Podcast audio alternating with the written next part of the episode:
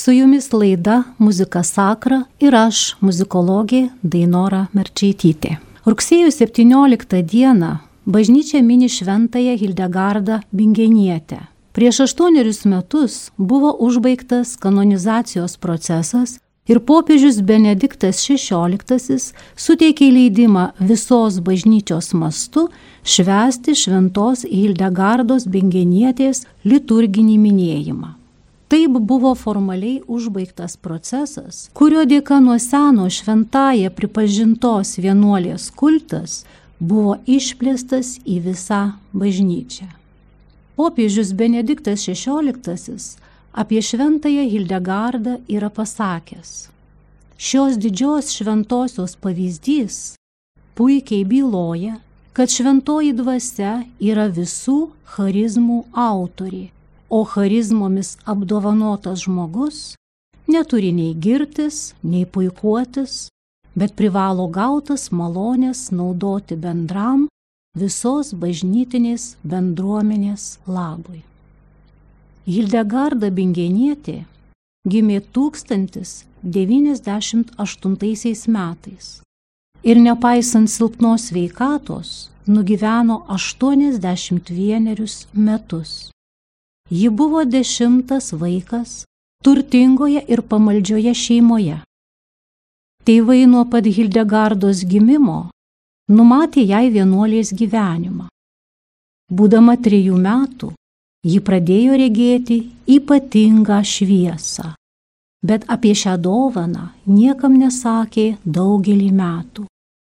Aštuonerių mergaitė buvo atiduota auklėti ir mokslinti į benediktinių vienuolyną, kuriame ji ir tapo benediktine. Jos lavinimui ir formavimui didelės įtakos turėjo Disibodeno vienuolyno abatė Juta.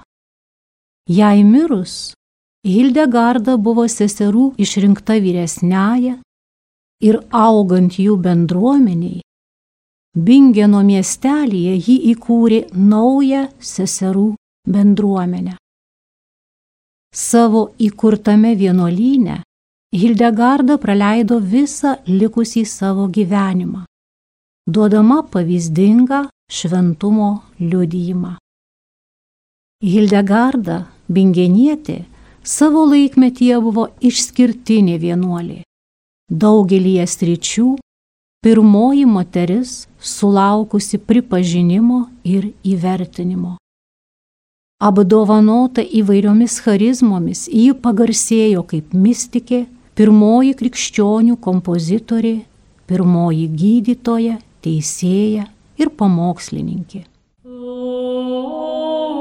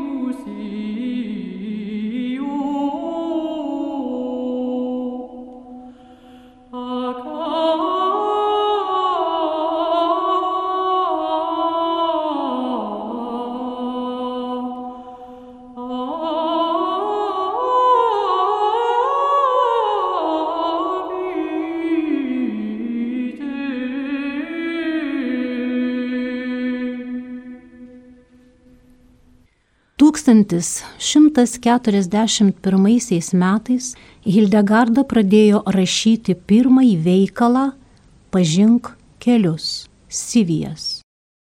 Per dešimt metų ji aprašė 35 mistinės vizijas, apimančias svarbiausius išganimo istorijos įvykius - nuo pasaulio sukūrimo iki jo pabaigos. Kai su vienuoliais regėjimais susipažino popiežius Eugenijus III ir davė leidimą apie juos kalbėti viešai, garsas apie magistrės šventumą pasklido po visas vokiečių žemės ir už jos ribų, o Hildegardą imta vadinti vokiečių pranašę. Vokiečių mystikė sukūrė ir kitų kūrinių Liber vite meritorum gyvenimo nuopelnų knyga ir Liber divinorum operum Dievo darbų knyga. Dar kiti Hildegardos raštai gyvai byloja apie viduramžių moteriškųjų vienuolynų gyvenimo įvairovę ir kultūrinį veržlumą. Hildegarda domėjosi medicina ir gamtos mokslais parašė medicinos enciklopediją apie gydimą vaistiniais augalais ir brangakmeniais. Kitas jos medicininis veikalas - priežastys ir gydimas - kalba apie fizinės ir psichikos ligas. Jos vizijos yra užfiksuotos ir piešiniuose, iliuminacijose, kuriomis pranašė puoždavo savo tekstus kaip buvo įprasta viduramžių rankraščiams. Nors pati tikriausiai nepiešė, bet prižiūrėjo iliustracijų kūrimą. Mistikė savitai interpretavo Dievą ir jo kūrinius. Jos paveikslai stiprus ir išaiškingi, pilni angelų, demonų ir gamtos jėgų. Daug ekspresijos ir gamtos motyvų yra ir jos giesmių tekstuose kuriuos pati kūrė. Hildegardos lotynų kalbos žinios nebuvo itin geros, bet susidaro įspūdis, jog žodžiai iš jos galvos teka tiesiai tarsi iš dieviškas sąmonės srautas. O žaliausia šakelė, kai atėjo laikas, tavo šakos pražydo, nuo saulės šviesos pasklido saldus balzamo kvepalai nes tavyje mesgėsi toks gražus vaisius. Taip Hildegarda šlovina mergelę Mariją giesmėje, o viridisima virga. O viridissima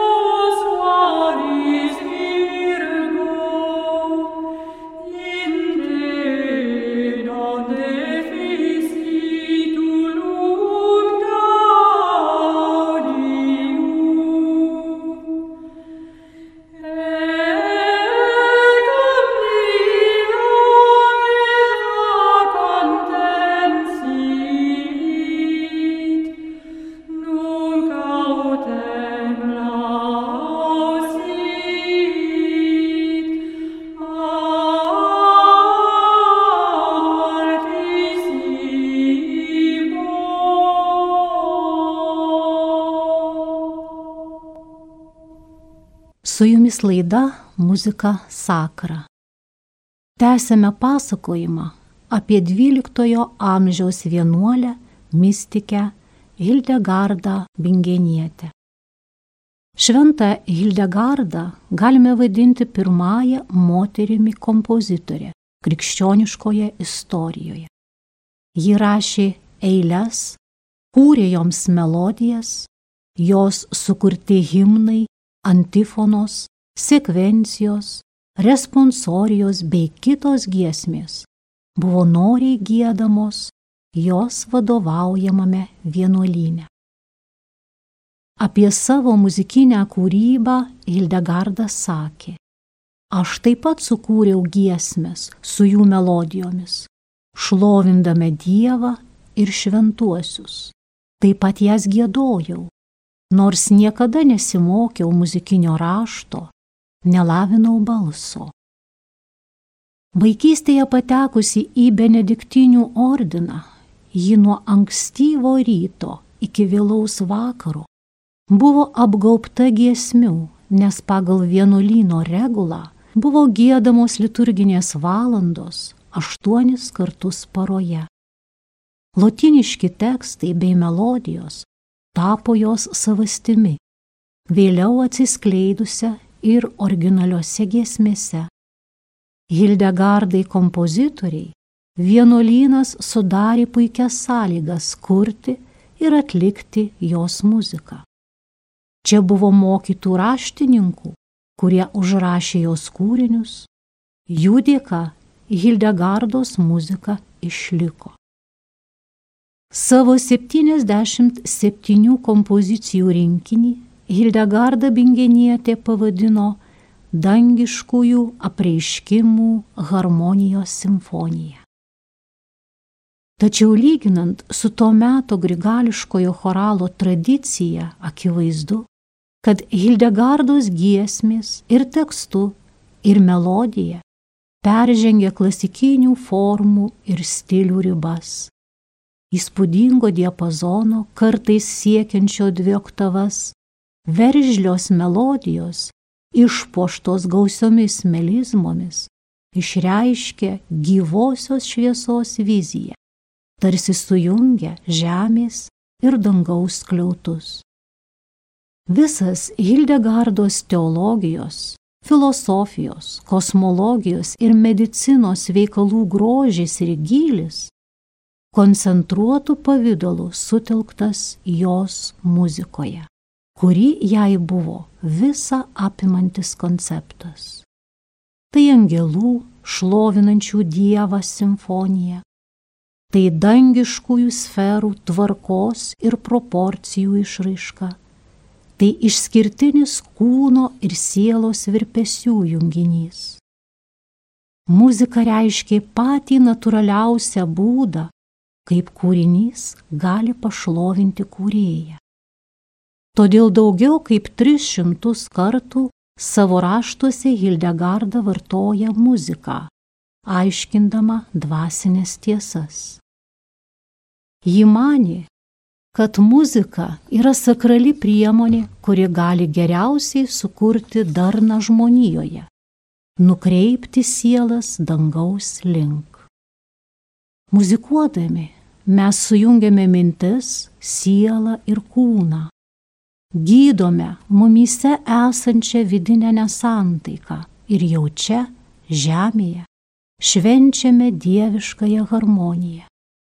Tai ir yra pagal Hildegardą mūsų opusas - gerų darbų Dievo tarnystei veikalas.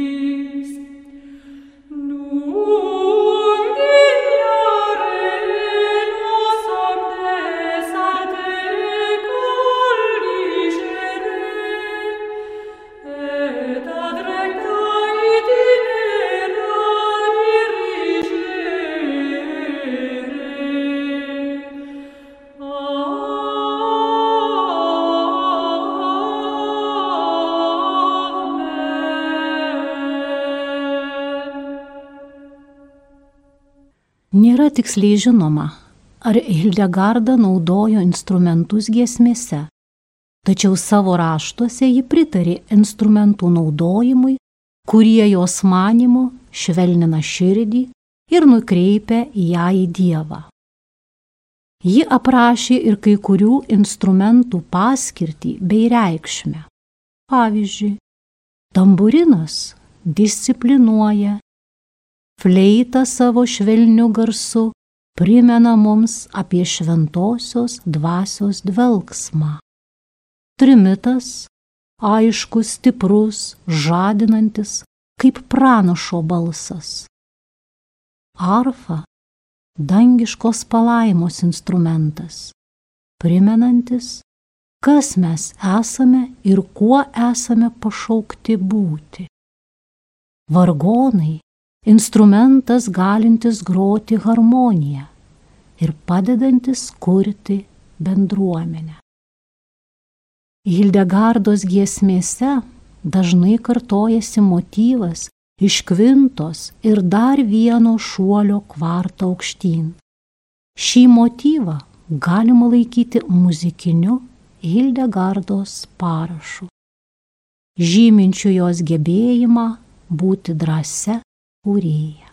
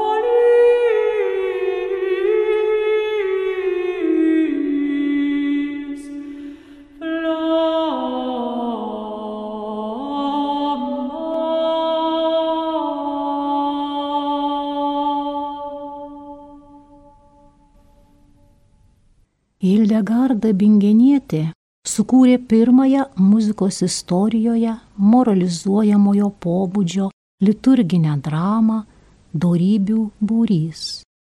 ordo virtutum. Ji susijusi su Hildegardos veikalus Civijas ir buvo atliekama seserų vienuolių. Dramos pradžioje Hildegarda paaiškina, kaip ji pradėjo regėti vizijas. Po to į veiksmą įstoja darybių alegorijos, atliekamos vienuolyno seserų. Piesės protagonistas yra am žmogiškoji siela, anima, pasiruošusi žengti į dangų. Ja sugundyti bando velnes, kuris žada naują pasaulio tvarką. Anima susižavi velnio vilionėmis. Po to seka kiekvienos dorybės, jų yra šešiolika, partija, kuriai pritarė likusių dorybių choras. Siela anima grįžta iš žemiškojo pasaulio sužeista ir suvargusi, ji tiesia rankas dorybių link, kurios jai padeda pakilti į dangų.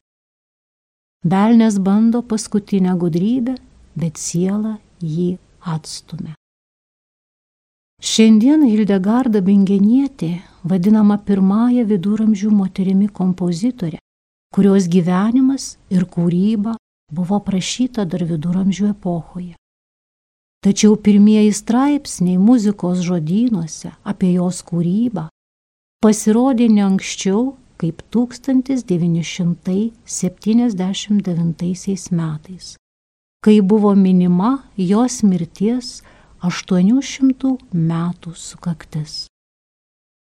Domėjimas į jos muziką inspiravo ir pilnas Hildegardos kūrinių rinkinys, išspausdintas Salzburgė 1969